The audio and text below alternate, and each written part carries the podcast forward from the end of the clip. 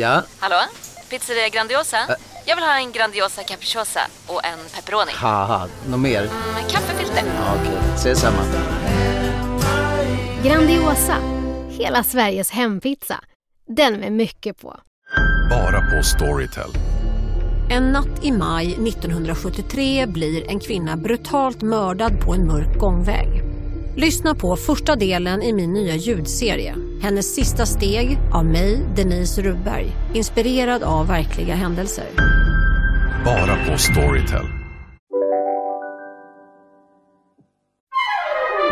Du lyssnar på en podd från Perfect Day. Då var det onsdag igen. Mm. Och, hur, och ni är mitt uppe i sportlovet nu då alltså? Just hemkomna kan man säga. Mm. Mm. Från eh, en, nästan en vecka i Vadstena. Det var inte superavkopplande, det kan jag inte påstå. Din, Men, veck, eh, din, din livssemester. det var det inte. Men sen tänker man ju, är lov någonsin det? Nej, det är de ju inte.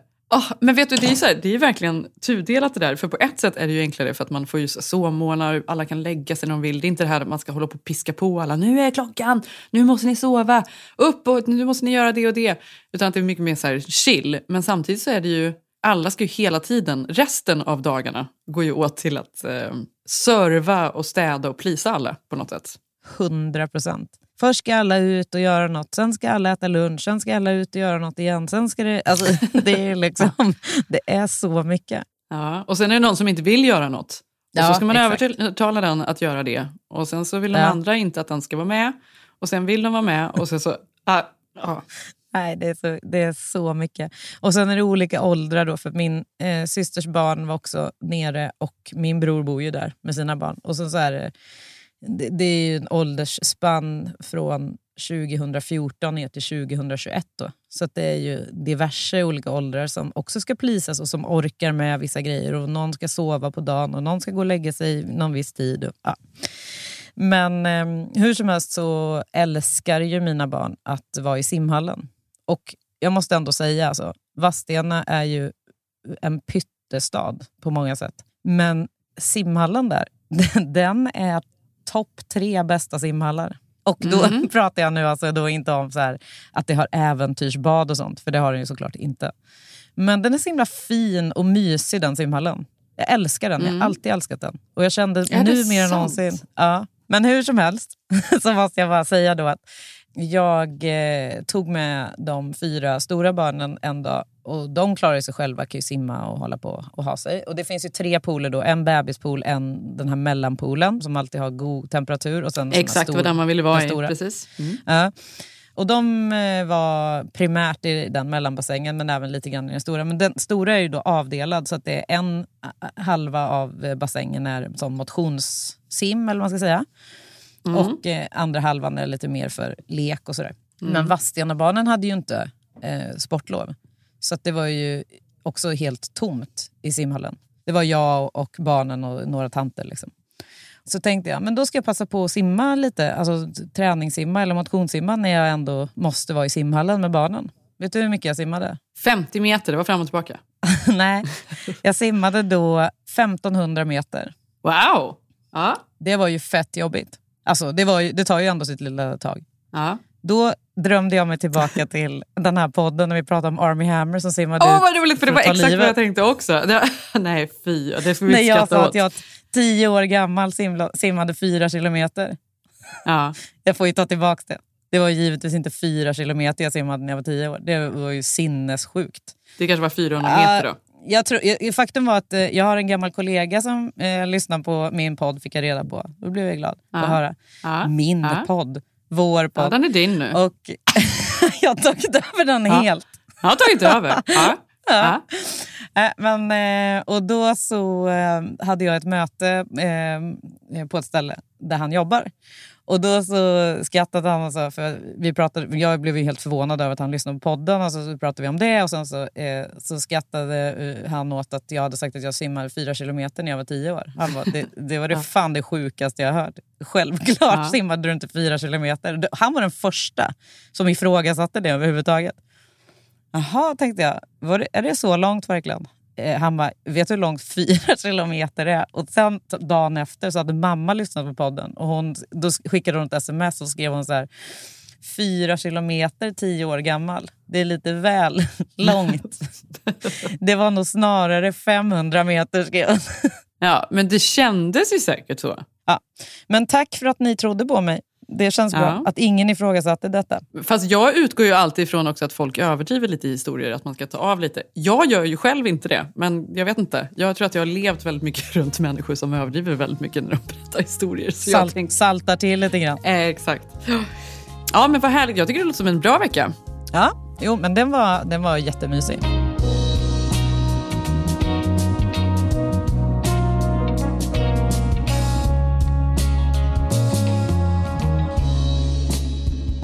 Vi var ju då och åkte skidor i eh, helgen. Vi har ju haft en lugn helg, men så måste jag, jag måste ju ändå recensera eller liksom återkoppla nu till att jag sa att vi skulle åka skidor här eh, förra veckan. Och det gjorde vi. Jag har ju varit så spänd på det här äh, besöket. För att jag har ju hela tiden tänkt att på grund av den otroliga snömängden som har kommit att det skulle vara fullt där borta. Ja, precis. I Mount...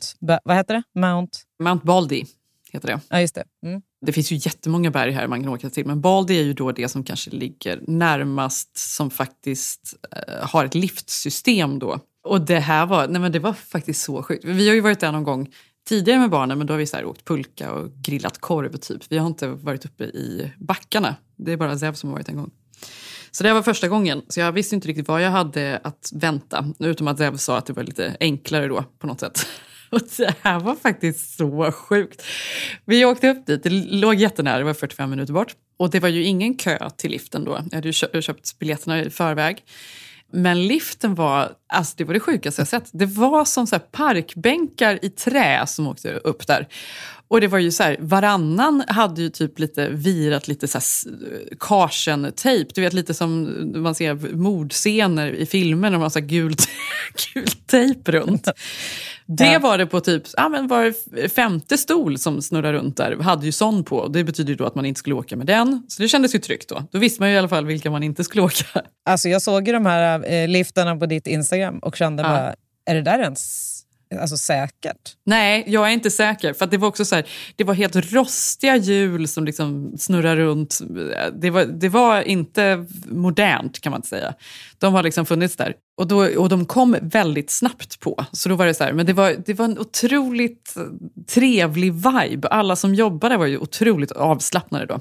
Så när det var vår tur och man kommer upp där då frågar de, "Ha, har ni åkt här innan? Och så här, behöver ni hjälp? Och man bara, ja, men kanske att man, barnen ska ha lite hjälp. De bara, jajamensan. Och det låter ändå säkert, det går ju säkert fem, sex stolar där medan vi bara står och chitchattar. Så det gick ju inte så snabbt även om det inte var någon kö. Precis då för övrigt så är det ju någon, alltså någon 75-årig tant som äh, hoppar upp i liften precis innan vi kommer fram. Hon trillar ju av, hon trillar ur liften. Det är längre bort. Fick de stänga av den och springa upp och hämta tanten och ta med henne ner och sätta upp henne i en ny sån parkbänk som skulle åka upp.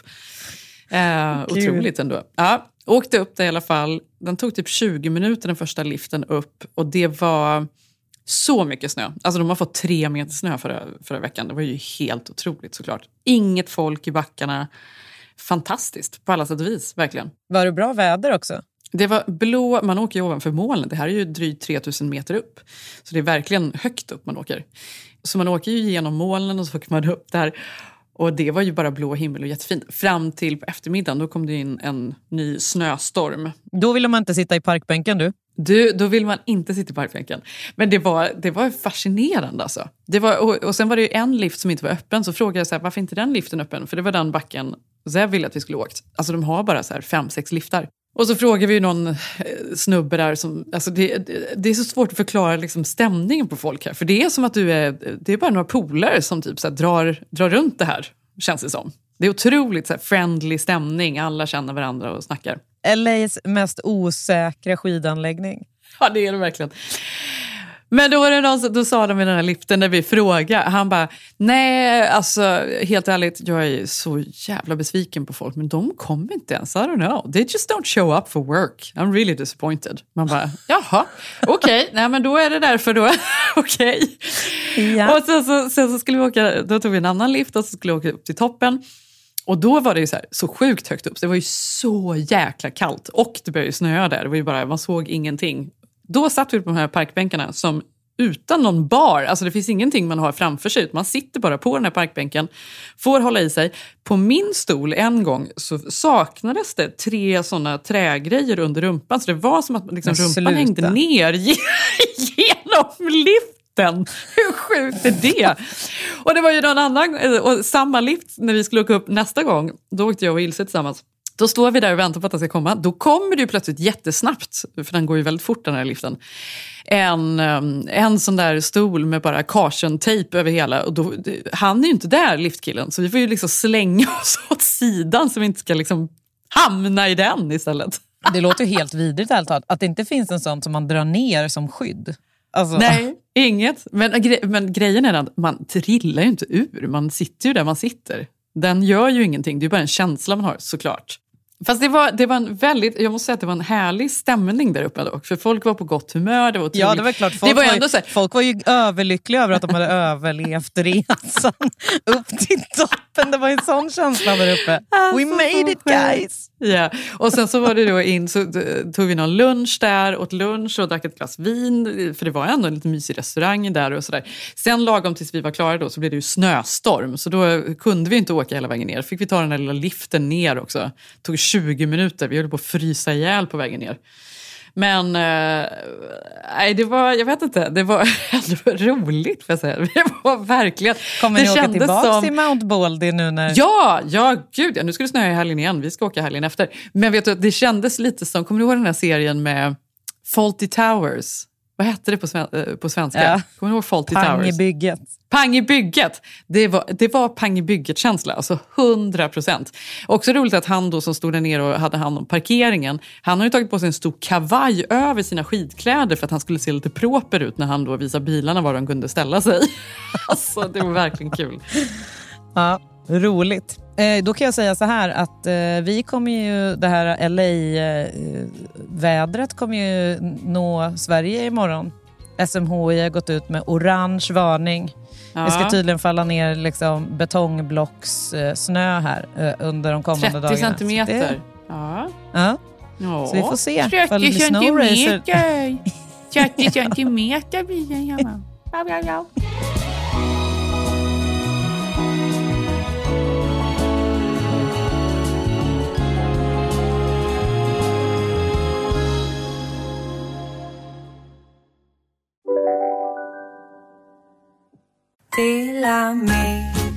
Hej! Är du en av dem som tycker om att dela saker med andra? Då kommer dina öron att gilla det här. Hos Telenor kan man dela mobilabonnemang. Ju fler ni är, desto billigare blir det. Skaffa Telenor familj med upp till sju extra användare. Välkommen till någon av Telenors butiker eller telenor.se. Du vet väl att du kan försäkra din hund eller katt hos Trygg-Hansa? Då får du till exempel hjälp med veterinärkostnaderna om din vän blir sjuk eller skadar sig. Läs mer på trygghansa.se och skaffa en riktigt bra djurförsäkring.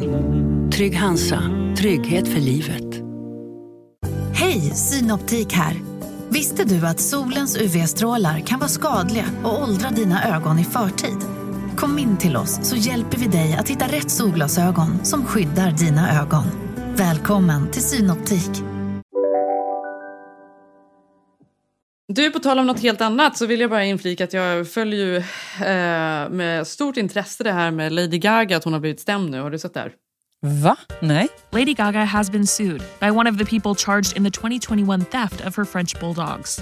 Jennifer McBride, who was one of five charged in connection with the dog napping, is accusing Gaga of breach of contract, fraud by false promise, and fraud by misrepresentation. In her complaint, which was filed in Los Angeles County Superior Court on Friday and obtained by NBC News, McBride claims that she was denied a half million dollar quote, no questions asked reward offered by Gaga for the safe return of her stolen dogs, Koji and Gustav. McBride turned over the dogs to a police station two days after the theft. Suit claims that Gaga never intended to pay the reward, but rather intended to have law enforcement ask her questions about the circumstances surrounding her returning the dogs. The complaint alleges that McBride suffered compensatory damages, pain and suffering, mental anguish, and loss of enjoyment of life. On top of the half million dollar reward, McBride is seeking no less than $1.5 million and additional general damages. Jag vet inte om du minns, men för det var väl säkert var det två år sedan måste det varit? Nej, nu ser jag. Februari 2021 var det. Då var då Lady Gagas dogwalker Ryan Fisher ute och gick med hennes två franska bulldogs. Och detta var väl i Hollywood tror jag. Eh, North Sierra Bonita Avenue.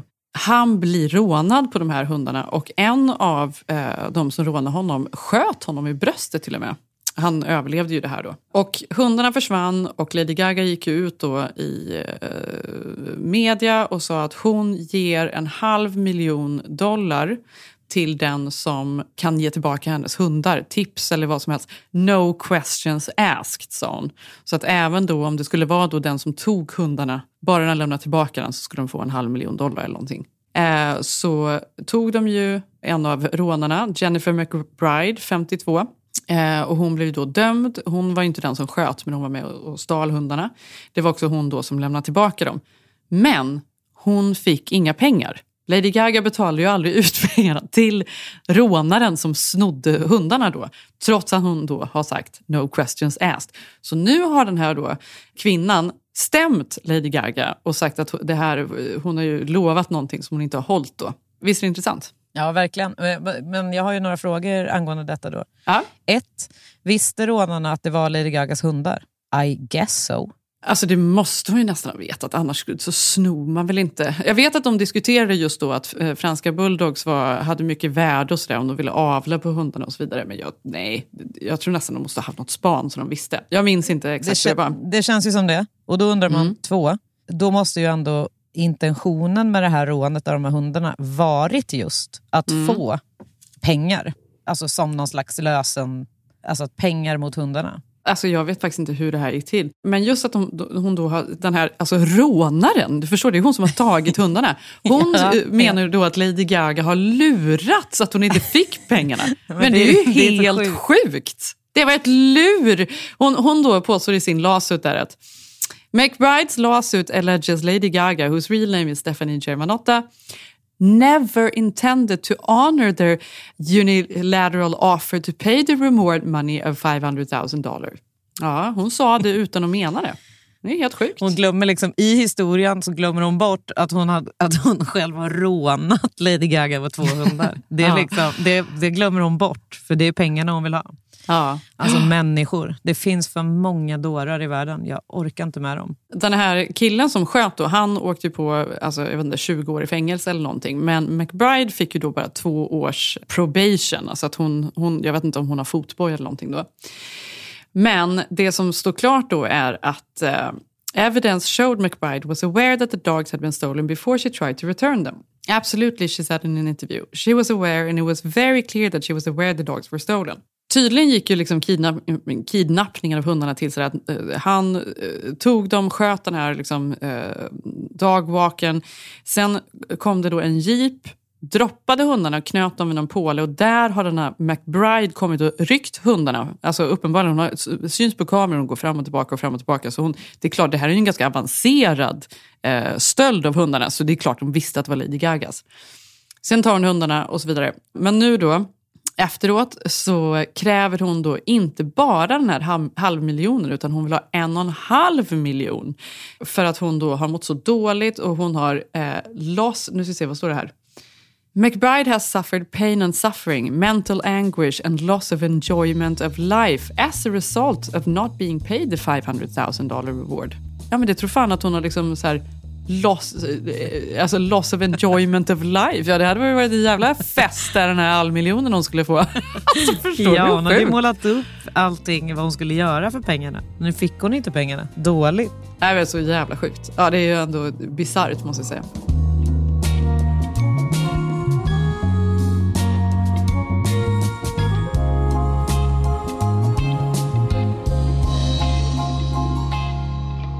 Men eh, det finns ju andra idioter som har florerat runt i media i veckan också.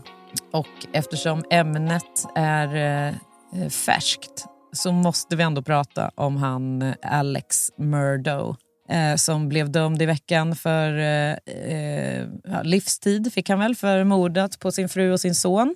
Det här är så jävla right up your alley för att du kommer ju följa. För vet du, vet du vad det här är? Det är ju liksom en ny version av The Staircase. Du såg ju såklart The Staircase. På min rekommendation för en gångs skull. Ja. Mörkt hål. Den såg jag för, jag tror tio år sedan minst. Och sen har jag ju sett den en gång till för jag tycker den är bra och fascinerande. Det tycker jag faktiskt är helt sjukt att du har gjort. För att det var länge sedan jag såg en så långsam dokumentär. Ja, den är väldigt långsam. Men det var ju för att Zem hade inte sett den och då var jag så här, men den måste du se. Så då såg jag den med honom. Men eh, det som är fascinerande då är att han hävdar att han inte mördar sin fru. Hon, han påstår att hon trillar ner för trappan och sen plötsligt så dyker då ett gammalt eh, fall upp eh, där en eh, tidigare kvinna i hans liv också hade trillat ner för en trappa och dött. Ja, just det. det var ju väldigt märkligt såklart. Och då Ja. var det så här, är han, är han skyldig eller inte? Och så var det vad man trodde då. Ja. Det här är ju lite fallet också med denna eh, Murdaugh som är en alltså, beaktad, alltså, väldigt framstående advokat. Har varit eh, alltså, i flera generationer i hans familj. Jag tror han är så här, fjärde generationens advokat. Väldigt framgångsrik, väldigt mycket pengar har han gjort. Sen plötsligt då så dör hans fru och son blir ihjälskjutna. Och han påstår att det är inte han som har gjort det då. Det är väl hemma, det är i stallet eller något sånt där det händer va? Det händer i deras... Eh, de har ju, någon, de har ju en jättestor gård och sen så har de vad jag har förstått en, som en hundkennel kallar de det. Alltså som ett hundstall typ. Och eh, där då har det här skett och han påstår att han inte var på platsen utan han har då kommit hem en viss tid och då har han upptäckt, då har han hittat sin fru och sin son. Och Mm. ringer in och är helt förkrossad då. Men det som är så intressant är ju då att när de börjar eh, liksom rota i det här så kommer det fram att han har liksom miljontals dollar i skulder. Han har ju hållit på att förskingra klienter och den här firman han jobbar för. Han var ju inblandad i en båtolycka tre år tidigare där en 19-åring dog. Och det var ju Hans, son var det.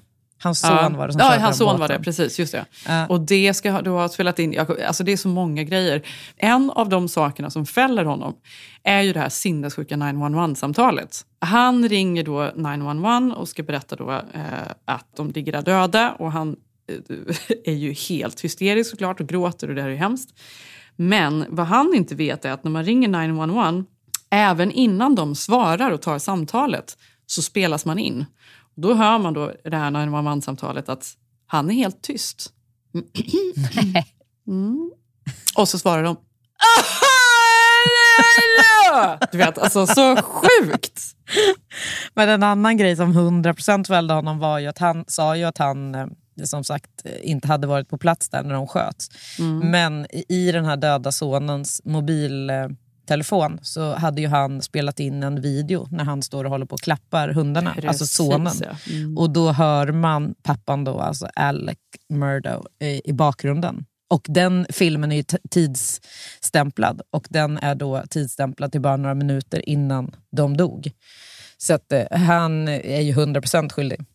No doubt about it. Men då, till min stora förtjusning, så fanns det ju redan innan han blev dömd en dokumentär om detta på Netflix som heter Murdo Murders, a Southern Scandal.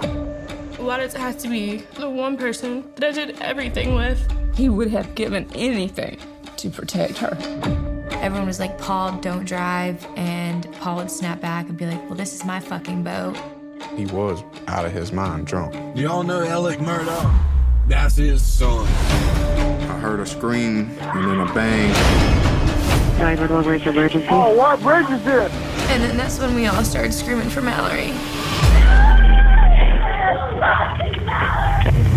Alec wasn't worried about finding Mallory. He wanted to make sure that lips were sealed. They were more worried about a cover up. Five made it ashore alive. Mallory Beach did not. Paul had been receiving threats from strangers. He was scared. Speculation is running wild. For over a century, the Murdochs were law and order here in the 14th Circuit. The family was under increasing amount of stress. County 911 with your emergency. My wife and child got badly. It didn't seem real at the time. The double homicides of Maggie and Paul really changed everything. I think this may very well be related to the death of Mallory Beach. What was the motivation other than revenge?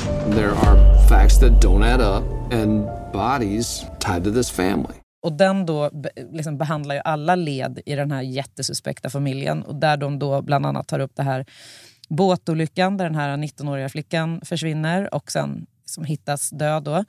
En eh, kille i 20-årsåldern som också bara helt plötsligt ligger död på vägen.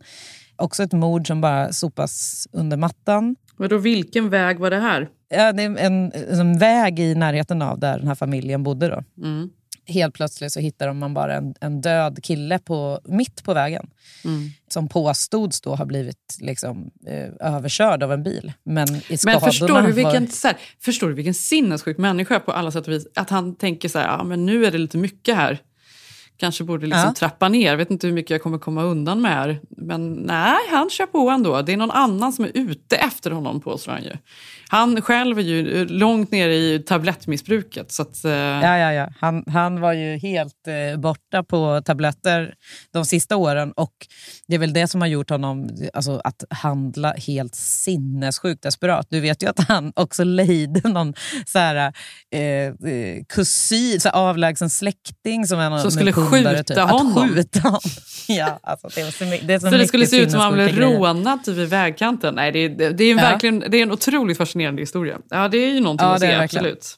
Det, det var verkligen också roligt, tycker jag. Roligt är hemskt att säga, men det var faktiskt lite roligt. För han är också så obehaglig. eh, Hela den här familjen de är så obehagliga för de har ju såna skaldjursögon. Du vet, Mm. såna svarta små stickande ögon. Och eh, Då ser man ju på den här domaren som eh, förkunnar domen när han dömer honom. Då. Han dömer ju honom till två livstidsstraff. Mm. Och det är inte bara att han så här säger så här, jag dömer dig till livstidsfängelse utan det är, han går ju in lite så här emotionellt på det också. Och så Mm. typ säger att så här, jag dömer dig eh, till livstidsfängelse för att du har mördat din son som du förmodligen älskade jättemycket. Alltså du vet, så här, går in på lite mer så att han blir... Man, man känner att domaren hatar honom så intensivt så han vill liksom verkligen sätta dit honom en sista gång. Typ. Ja, sjukt bra eh, dokumentär i alla fall. Den rekommenderar jag alla att se. Och eh, på temat dokumentärer då. Eh, jag ska inte tipsa om något mörkt den här veckan. Promise. Men jag vill ändå tacka för alla DM som jag har fått som har trillat in med tips på mörka dokumentärer. Det, jag älskar att det, vi är många out there som gillar skiten. Så Ja. är det bara. Jag har fått så mycket tips under veckan Ja, som det är jag klart ska att det, plöja. Johanna, det är väl klart att det är. Alltså, det finns ju anledning att eh, Netflix och så vidare, de, de gör ju inte bara två avsnitt av ett mord, utan de, det är ju, de pratar med avlägsna kusiner till någon som kände offret, typ, för att liksom bara dra ut det här till åtta avsnitt. Och där Ja. sitter du och plöjer. Ja, ja, ja. Jag, Ja. Kanske att vi på sikt kommer ha en, en ny programpunkt i podden som Nej. heter Mörkerhålet. Nej. Och Nej. där kommer det bara tipsas. Nej, det har vi inte. Äh, fy. Åh. Men du, vet du vad? Vi, nu bara för att du tipsar så vill jag också tipsa. Och då ska jag tipsa om en tv-serie som säkert, jag vet inte. Det här var helt random att vi snubblade på den här och såg den. För jag hade inte läst, eller jo, jag har läst om den för länge sedan men inte så här att åh, den ska jag se. CB Strike. My name is Cormoran Strike. Wondered if we could have a quick chat. You're not a cop. I was. Royal Military Police. I'm a private investigator now. Just want to ask a few questions. Alltså det är så bra. Brittisk, eh, lite så här deckar eh, drama som är liksom ganska lättsmält och kul. Men det är två karaktärer, huvudkaraktärer som har otroligt bra kemi till att börja med. Det är verkligen välskrivet. Det här är ju då J.K. Rowling som har skrivit eh, de här böckerna under pseudonym. Så först var det en hel serie och sen har de gjort, gjort det då till eh, en tv-serie. Men otroligt bra. Alltså jättebra, verkligen. Den kan jag rekommendera. Den är också inte så mörk såklart, utan den är ganska härlig. Och han är så fantastisk, han som spelar den här CB Strike då, som han heter, huvudkaraktären. Men ska du jämföra den med typ så här Beck? Eller är det Nej, men morden sluta, i Midsummer? Beck. Nej, men- jag, bara, jag vill bara ha någon slags känsla för, för vad det är du ska jo, lura in men det är ju så här, det som är är ju att det är som en brittisk liksom deckar. Alltså han är ju då privatdeckare och har sin lilla eh, firma som går jättedåligt. Men han är ju, och han är ju såklart försupen och allt det här, men han är ju väldigt godhjärtad. Men det är väldigt um, välskrivet, det är inte så självklara historier. Det är inte dumt och plumpt så att säga. Det är mycket mer intressant och härligt. Och så har de, alltså den här kemin mellan honom och den kvinnliga huvudrollen, huvudkaraktären, är ju verkligen fantastisk. Nej, tycker jag verkligen du ska se. Kul. Men jag vet inte ifall jag har tid. Nej. Jag har väldigt mycket mörker att titta på nu. Men eh, ja, om, om tillfälle ges, absolut. Ja, då gör du det. Ja. Ja, men om vi ändå håller på och tipsar då. Nu blir det faktiskt en liten grej som inte, den är faktiskt inte så mörk, men som jag har lyckats eh, titta på i, mellan då alla dokumentärer om pedofiler och, och sekter och så vidare. Mm. Och den heter då Svenskarna och den psykedeliska svampen. Har du sett den? Den ligger på SVT Play. Nej, det har jag inte sett. Fast det här tycker jag är väldigt intressant för att här är ju svamp extremt stort. Alltså, vad heter det? Psilocybin eller psilebin eller hur man nu eh, uttalar detta. Det, det verk, verkningsämnet i eh, Magic Mushrooms. Psilocybin. Psilocybin heter det. Det här är ju någonting, alltså det här är ju det nya, nya weedet här borta skulle jag säga. Det är nog ganska nära att det kommer bli lagligt. Och det här, och folk gör det ju inte så mycket för um, alltså att det ska vara någon galen tripp, utan det här har ju blivit någon ny hälsotripp nästan. Berätta lite om eh, programmet. Ja, men det, det handlar då om eh, egentligen, eh, vad ska man säga, hoppet kanske om att den här psilocybin, psilocybinets eventuella läkande krafter. Mm. Alltså, och då framförallt inom depressionsforskningen. Då. Och här, den här skildrar liksom både den mer eh, det är någon liten svamprörelse, eller vad vi ska kalla det, Mm. eh, som håller på och eh, liksom, I Sverige? försöker pra- i ja, Sverige. exakt, prata Mm. upp ja, svampen. Och eh, sen är det ju då en, en pågående forskningsstudie på KI där då man då, eh, liksom forskar på vad svampen har för effekt på På framförallt Karolinska. depressioner. Exakt, och det här verkar ju bli, ha blivit, alltså det verkar ju väldigt, väldigt stort. För det här är ju otroligt omtalat och man gör väldigt mycket studier på det. Just att svamp då, oavsett om man håller på med mikro, mikrodoser är någonting de hållit på med uppe i Silicon Valley typ i 15 år känns det som. Det var ju typ där alla började med de här grejerna. Eh, sen har det spridit sig. Men man pratar både om så här mikro och makrodoser. Makrodoser är när man tar en större dos då, så att man känner att man kanske ja, jag vet inte, ser färger och ljus eller vad det nu kan vara. Eller mikro, då känner man väl ingenting egentligen. Men man tar lite och det händer ändå. Effekterna ska vara de samma. Just att det blir fler vägar i hjärnan. Man öppnar upp och det blir liksom helt andra anslutningar som gör att man som sedan också håller i sig. Så till skillnad från kanske ta antidepressiva då som kanske dämpar, jag vet inte exakt hur de funkar, så verkar det som att det här styr om hjärnan lite då, öppnar nya, ja, nya öppningar. Spännande. Det är, så, det är faktiskt jäkligt roligt för då är det, eh, det är ju olagligt ju, eh, i Ja. Sverige. Eh, på alla sätt. Ja, ja, det är Och, fortfarande eh, olagligt har- här också. Ja, men då, har de ju, eh, då är de med i alla fall två eh, snubbar som är ute där i ängarna och letar efter såna här svampar då, att plocka med sig hem. Mm. Och då har de ju förvrängt rösterna på de här killarna. Alltså jag skrattar så jävla mycket åt det. För då, är det ju liksom, då har de ju såna smurfröster. Och den ena är dessutom dal, den har dalmål. Alltså det var så jävla roligt. Jag garvade rakt ut. Jag var i Holland på tryffelretreat. Det är ju också psilocybin. Eh, det var två trippar då. Och eh, den första delen av bägge tripparna var väldigt skrämmande. Jag dog flera gånger. Såg mig själv i en grav med de närmaste. Och jag kunde känna mig fångad i, i en tidlös dimension. Och var då rädd att eh, jag är fast i det här. För om trippen är tillräckligt stark så förstår du inte att du trippar. Men då ligger du där och andas. Och sen så efter ett tag så går det där över. Det är nästan som du är neddödsrik. Jag var neddödsrik så kom jag upp nyfrälst. Eh, jag såg en eh, gudinna som drog ner en, en dragkedja i den blå himlen och det var ett, ett vitt ljus. Och jag fick kontakt med vad som är viktigt i livet. Så jag bara låg och grät och grät och grät och grät. Och, och en kvinna satt och höll i min hand. Och, och jag, eh, det var helt underbart. Jag kunde känna den här gränslösa feminina kärleken. Då satt jag och tänkte så här, fan vad sjukt det hade varit att trippa på svamp och sen liksom Köra träffa de där två med smur, smurfrösterna. Det hade ju Ja. varit eh, fett obehagligt. Ja, det hade verkligen varit. Men för övrigt så såg ju jag också, det var också ett, um, jag kollade på Last Week Tonight with John Oliver, kollade jag på häromdagen och det tycker jag är väldigt kul. Han är ju en brittisk komiker och han går igenom då nyheterna som har varit under veckan och det är alltid väldigt uh, intressant. Och då hade han ett segment som var, handlade just om uh, psykedeliska droger, för här pratar man ju inte bara om svamp utan man pratar även om så här, LSD, ecstasy eller MDMA och sådär. Och historien kring det. För att för många, många, många år sedan, då, säg att det var på 50-talet, det var väl då man började experimentera kring det här, just i medicinskt syfte. Men det blev en sån motståndsrörelse. Det blev ju så här, the war on drugs hände och bla bla bla. Och de började liksom kom ut skräckrapporter. Så all forskning stängdes alltså helt ner kring det. Det blev inget mer med det. Så nu har det då börjat igen, att man har tagit upp den eh, där man slutade för 60-70 år sedan. Då. Och då pratar han om att han hoppas verkligen att det här inte då tar slut utan att man att ingen stoppar det här utan att man faktiskt eh, löper hela vägen nu och ser vad man kan göra. Alltså han pratar ju sjukt positivt om det. Och så tar han mm. då också upp eh, ASAP Rocky, för han sa i någon intervju så pratade han om hur det var, han hade haft sex med någon på MDMA. Vi ska lägga in ett litet ljudklipp för det är ju också väldigt roligt. The truth is, lots of people use psychedelics, some for spirituality, some for healing, and some, like ASAP Rocky, just for fun. The first time that he did LSD, it started to kick in just as he was having sex, with some surprising consequences. No lie, a rainbow shot out of my dick.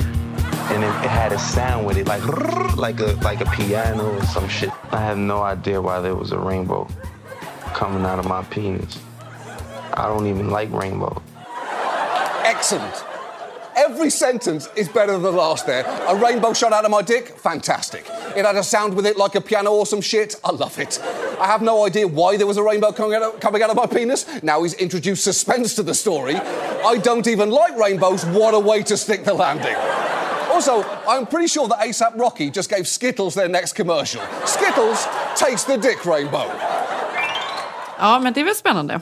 Har du provat, har du testat svamp någon gång, Jana? Ja, det har jag faktiskt. Hur blev du? Blev det regnbågar Nej, och smurf, eh, alltså, smurf? Nu, jag kan säga så här, efter att ha sett den här eh, dokumentären, eller vad vi ska kalla den här filmen om svenskan och den psykedeliska svampen.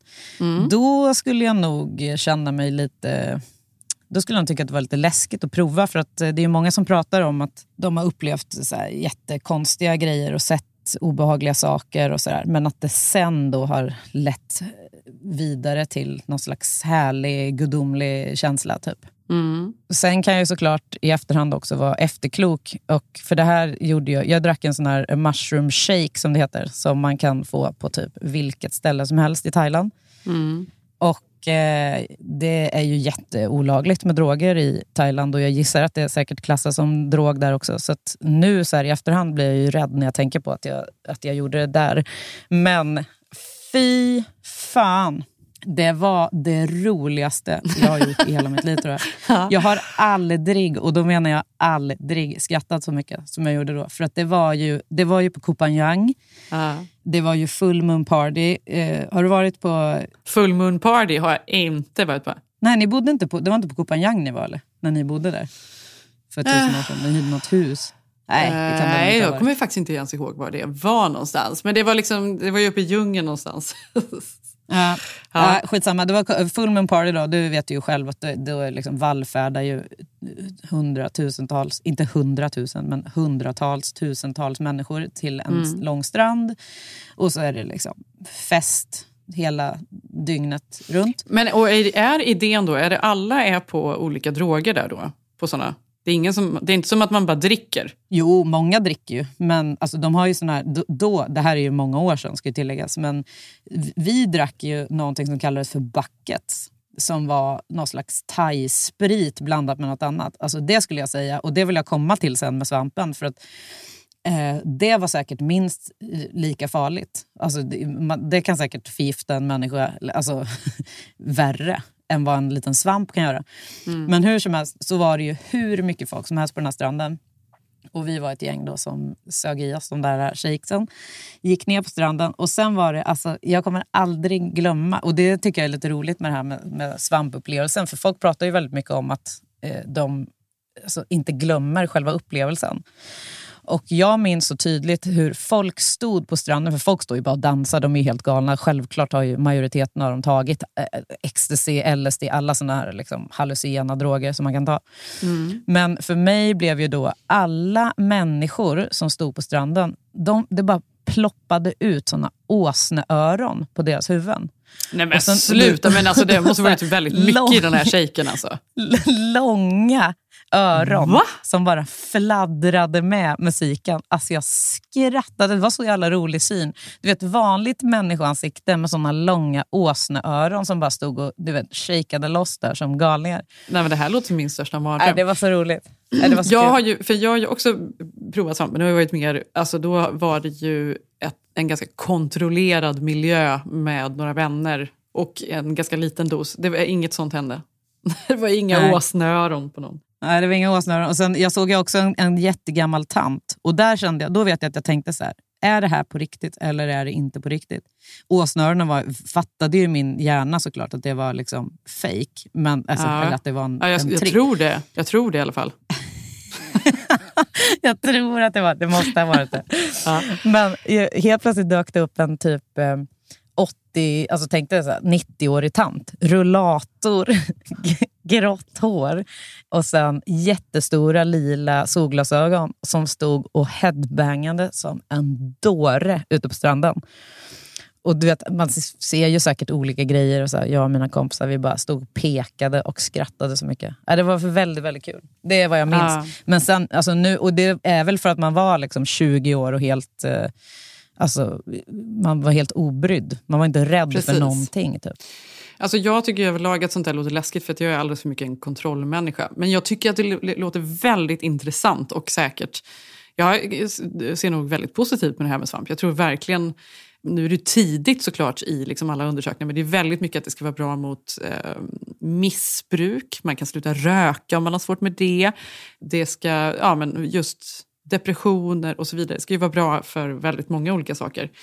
En annan sak som har varit väldigt omtalad och blivit väldigt populär, i, i alla fall här i USA, är ju ayahuasca som många pratar om. Det har du hört om. Det ställer jag mig inte lika positiv Det, är- till. du, det är en sån grej jag aldrig skulle prova. Det är ju så här, folk Inte verkar ju bli så, de blir illa om de kräks, de, liksom, eh, de tar någon tripp och sen då efteråt så, så ska man då sett, eh, ja, man ska ha kommit till klarhet. Om det är så att man är osäker på något i sitt liv då så kommer man kunna få svaren under den här trippen. Men det är väl också, ja, nu ska vi inte säga, Sigge gjorde ju det här för inte så länge sedan. Det var ju, ja, så nu ska jag inte påa det, för det kanske är jättebra för vissa. Jag är rädd för det. Jag tycker bara att det låter helt hemskt. Men det Ja. jag vill säga med eh, svamp eh, och även typ weed och såna här alltså naturliga substanser, eller vad vi ska säga, versus då alkohol, kemiskt framställt, även tabletter. Alltså för jag tänker bara så här, om det här nu visar sig vara bra mot depression, toppen tycker jag. Alltså mycket mer toppen än kemiskt framställda piller som folk ska eh, äta. Absolut. Alltså, eller eller så här, lika farligt då, eller vad man ska, hur man ska jämföra det. Men jag, alltså, Ja, men framförallt är väl det här någonting man inte ska behöva liksom använda hela tiden utan det ska vara då doseras. Men eh, vad jag eh, tänkte på med ayahuasca då, som också är naturlig, det är ju också en växt så att säga, så det är ju inte något eh, kemiskt framställt, men ändå något som jag tycker låter obehagligt. New York Times skrev för ett par år sedan en artikel om, som hade rubriken så här Taking ayahuasca when you're a senior citizen. Så stod det “Some older adults are dabbling in this powerful psychedelic which is mostly illegal in the United States”. Och sen var hela, hela artikeln handlade om hur gamlingar, så här, gamla pensionärer vill ta ayahuasca och hur ska de kunna göra det? Är inte det, det är också väldigt lustigt. Och också så här att en tidning som New York Times skriver då om hur man kan då låta gamlingar ta det och varför det skulle vara positivt för dem att prova och sådär. Så, så så pass vedertaget har ju psykedeliska grejer blivit i alla fall här. Ja, vi får följa forskningen och se hur den går framåt. Men det är spännande.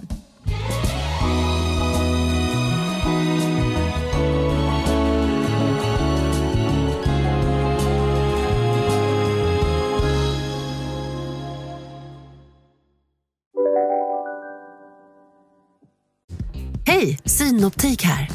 Så här års är det extra viktigt att du skyddar dina ögon mot solens skadliga strålar. Därför får du just nu 50% på ett par solglasögon i din styrka när du köper glasögon hos oss på Synoptik. Boka tid och läs mer på synoptik.se. Välkommen! Ah, dåliga vibrationer är att skära av sig tummen i köket. Ja! Bra vibrationer är ett och en tumme till och kan scrolla vidare. Alla abonnemang för 20 kronor i månaden i fyra månader. Vimla! Mobiloperatören med bra vibrationer. Om en yogamatta är på väg till dig, som gör att du för första gången hittar ditt inre lugn och gör dig befordrad på jobbet men du tackar nej för du drivs inte längre av prestation. Då finns det flera smarta sätt att beställa hem din yogamatta på. Som till våra paketboxar till exempel. Hälsningar Postnord. En annan kortis då, eh, från... Om vi nu, nu ska jag knyta ihop det här på något sätt. Nu, nu, lyssna nu på den här Det ska bli bron höra. jag gör. Från Murdoch till Murdoch. Ja. I veckan då så har de... Eh, Rupert Murdoch har ju då blivit stämd. Alltså Fox News har blivit stämt och det ägs ju av då den här vidriga gubben Murdoch som är nu är 92 år gammal tror jag. De eh, tjänar ju sinnessjuka pengar antar jag under Trumps år i Vita huset. Och spred ju väldigt mycket av hans liksom, falska budskap. Det här med liksom, fake news var ju... Alltså de, de brydde sig inte om, de visste ju om såklart att det var fake, men de sa det ändå. En av anledningarna var ju att Trump påstod att de hade fejkat röstningen. Att eh, liksom hela de här ballotsen som man räknar rösterna i, det var liksom felräkningar och så vidare. Och så vidare. Och det var ju det då som gjorde att folk blev extra upprörda och sen så blev det ju då hela liksom the riots och så vidare. Och detta eh, togs ju upp av Fox då som sen då pratade om det här på sina nyheter och så vidare och så vidare och verkligen fick folk eh, uppeldade. Detta ledde då till att det här företaget som gjorde de här rösträknarna eller de här ballotsen stämde Fox News och påstod att ni visste ju om att det inte var något fel på dem, ni spred falska nyheter. Och nu har då Rupert Murdoch under alltså ed erkänt att det visste de ju om. De visste ju om att det var falska nyheter. Och det här är ju enormt. Så nu kommer han då att... Eh, de blev stämda av 1,6 miljarder dollar eh, av då Dominion Voting Systems. Och eh, det här kommer väl de då att bli tvungna att betala. Fan vad segt för dem, fast rätt åt dem samtidigt.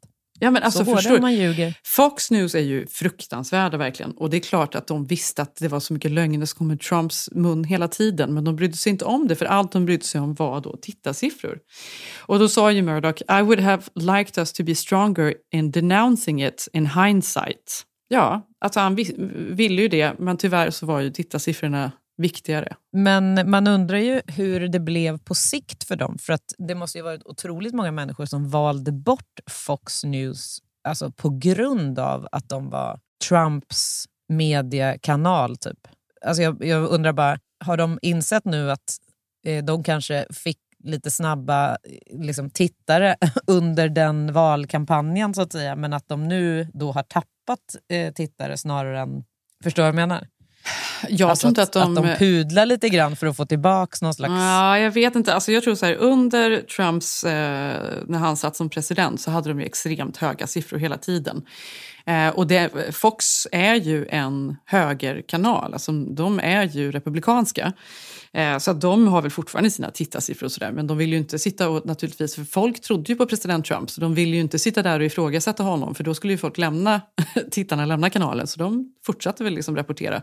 De, satte, de sätter väl upp, eh, de slickar på fingret, och sätter upp det och ser vart det blåser och så hänger de med där. Helt hemskt naturligtvis att det faktiskt är så politiken fungerar och media och allting. Att det bara handlar om pengar hela tiden i slutändan. Det är ju otroligt skrämmande. Men det här är en väldigt stor grej i alla fall. Att de faktiskt erkänner att de visste att de spred falska nyheter.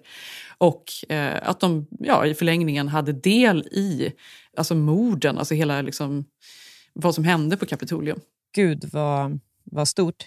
Mm. Eh, på, på tal om pengar bara. Nu kan alla börja signa upp sig på HBO igen. Om man har signat off, som jag brukar göra. Signa offen hela tiden. om, det är något, om det är något intressant eller inte att följa där. För Ja. snart börjar ju Succession. Ja, säsong exakt. fyra. Succession säsong Fy fyra. fan vad gött. Precis. Och det var ju också där, det var ju på HBO som jag såg detta eh, CB Strikes. Det kanske är HBO i Sverige också då. Då kan man ju också se det. Det kan ju Mm. också vara en anledning. Ja, ja, ja, ja. Ja. det är mycket. Spännande, spännande. Du, jag ska berätta så här för dig. Någonting som du missar när du eh, är där borta, det är ju att Melodifestivalen pågår för fullt här i Sverige. Typ åtta goa veckor, eller vad är det? Den håller på. Och nu är det ju då äntligen snart slut. Lördag eh, är the grand finale. Och eh, det finns väl inte ett barn som inte gillar Mello. Nej, det tror jag inte. Och när man har barn i den åldern, man kan liksom inte värja sig. Så, så är det bara. Jag, har ju, jag värjde mig länge mot Mello och tittade inte såklart. Alltså så här, det finns ju eh, en tid i livet där man absolut inte har tid med att titta på Melodifestivalen. Men nu måste man ju, mer eller mindre, titta med sina barn. Och nu kommer du att sitta på finalen i helgen, gissar jag. Jajamän. Ja, du gör det. Ja. Ja, Så där ska spännande. jag tillbringa min lördag. Och då är man ju avundsjuk på dig. Herregud, får du ta med dig barnen? Nej. Eh, om jag tar med mig barnen. Det är the solid reason varför jag ska gå. Ja, du ska ta med dem? Ja. Vilken hjälte du kommer vara. Trodde du att jag skulle sitta där helt själv och vifta Ja, med det någon trodde jag. ballong? Eller någon jag tänkte att det kanske, typ? nej, men jag trodde det kanske hade med ditt jobb att göra. Att det var, Ja. ja. Ja, nej. Ja. nej, nej, nej. Nej, men barnen. Ja, men gud vad bara- kul för dem. Ja. Ja. Så det blir roligt. Ja. Och på, tal om det här nu så gissar jag att du då ska avsluta podden med en schlagerdänga. Alltså faktum var att jag tänkte att vi kanske skulle göra det, men sen kände jag det passar så sjukt dåligt in i våran goa mix som vi har där. Mm, jag håller med. Så vi kanske skiter i det eller? Ja, vi skiter gärna i Vi, det. vi, vi, kan bara, vi kan bara säga, vilken är din absolut bästa mellolåt genom tiderna? Är det Eloise? Är det det eller? Är det för att de är från Göteborg? Nej, är de typ, typ Jag att de är från Borås? Nej men nu slutar du. Nej det är de verkligen inte. Eller det är Gubbar, verkligen. gubbar. Nej, fy. Otroligt ogod verkar han ju vara, den här mansgrisen. Kasper. Eh, nej, nej, nej, nej, nej. Nej, vad har jag? Jag vet inte. Ja, men är det, så här, det här är ju lite senare, så det var ju egentligen när jag hade slutat så här, digga Melodifestivalen. Då var det Loreen. Ja, hon var ju med i år igen Ja, faktiskt. exakt. Eh, hon, där, där får man ändå henne hade hon en kanonlåt. Ja, Eh, men du tänker på Euphoria då? exakt. Ja, inte ett dåligt val. Jag har, för mig finns det bara en. Stad i ljus. Ja, den är ju bra. Äh, den är så jävla bra. Är den inte så bra så att det finns typ inte? Jag trodde du skulle säga ABBA här. Ja. Är det, var det. Waterloo? Ja, exakt. Ja. Nej, nej, nej, nej. Inget klor, stad i ljus. Men Nej. det kommer vi inte avsluta med. Däremot så tänkte jag återigen tipsa om en svensk artist. För jag tänker att du kanske inte har blivit utsatt för henne som, så som vi har utsatt. I, i Utsatt? positivt, Det låter ju ja, in a positive way. Ja, Nej, men då är det så här, Agnes Karlsson, kommer du ihåg henne? Idol Just det. Agnes. just det. Ja. Hon eh, var ju tyst i väldigt många år och återkom eh, 2021 Ja. med en ny look, en ny vibe, en helt ny pondus på något sätt. Och släppte en ny platta som är helt otrolig. Magic Still Exist heter plattan. Och eh, därifrån har det kommit ett antal riktiga kanonlåtar. Så att, eh, jag tänkte att vi skulle avsluta med min favorit från plattan då, som heter Here Comes the Night. Får vi se ifall du har hört den eller inte. Är det en cover på Here comes the night? Nej, nej. nej, den, Den nej det är ju inte ens... 90-tal. Nej, men vänta, det är ju inte ens... Eh, går den låten så ens? Nej, ingen vet vilken du menar. Because Ingen the night är det ju. De Ja, just det, Because. Nej, okej. Nej, det här är givetvis ingen cover. Hon återkommer inte så här. Det är inte så här med Agnes, att hon då är tyst i tio års tid och sen det första hon gör någon gång tillbaka är att hon släpper en cover av en En cover 90-talslåt. på en låt som in, heter något helt annat dessutom. det här var ju jättekonstigt. Ja. Okej, men då slutar vi med den. Och så hörs vi nästa vecka. Jag heter Jenny Ham på Instagram och du heter... Johanna Noren understreck. Och vi heter Keeping Up Jenny Johanna. Ja, och jag heter ju Jenny Schmitz där på... Jag kör på där på... Ja, men gud, jag har inte varit inne på TikTok. Helvete. Det måste jag göra till nästa ja, vecka. Ja, verkligen. Har du lagt upp något än?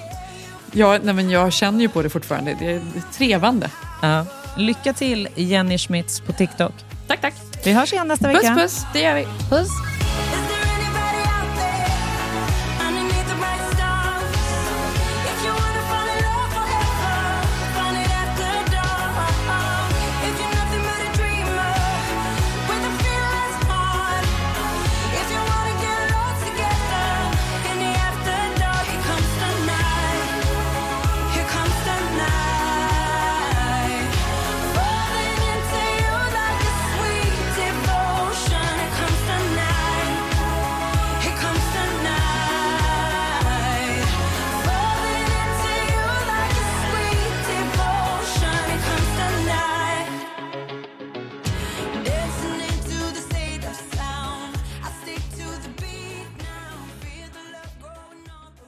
Den här podcasten är producerad av Perfect Day Media.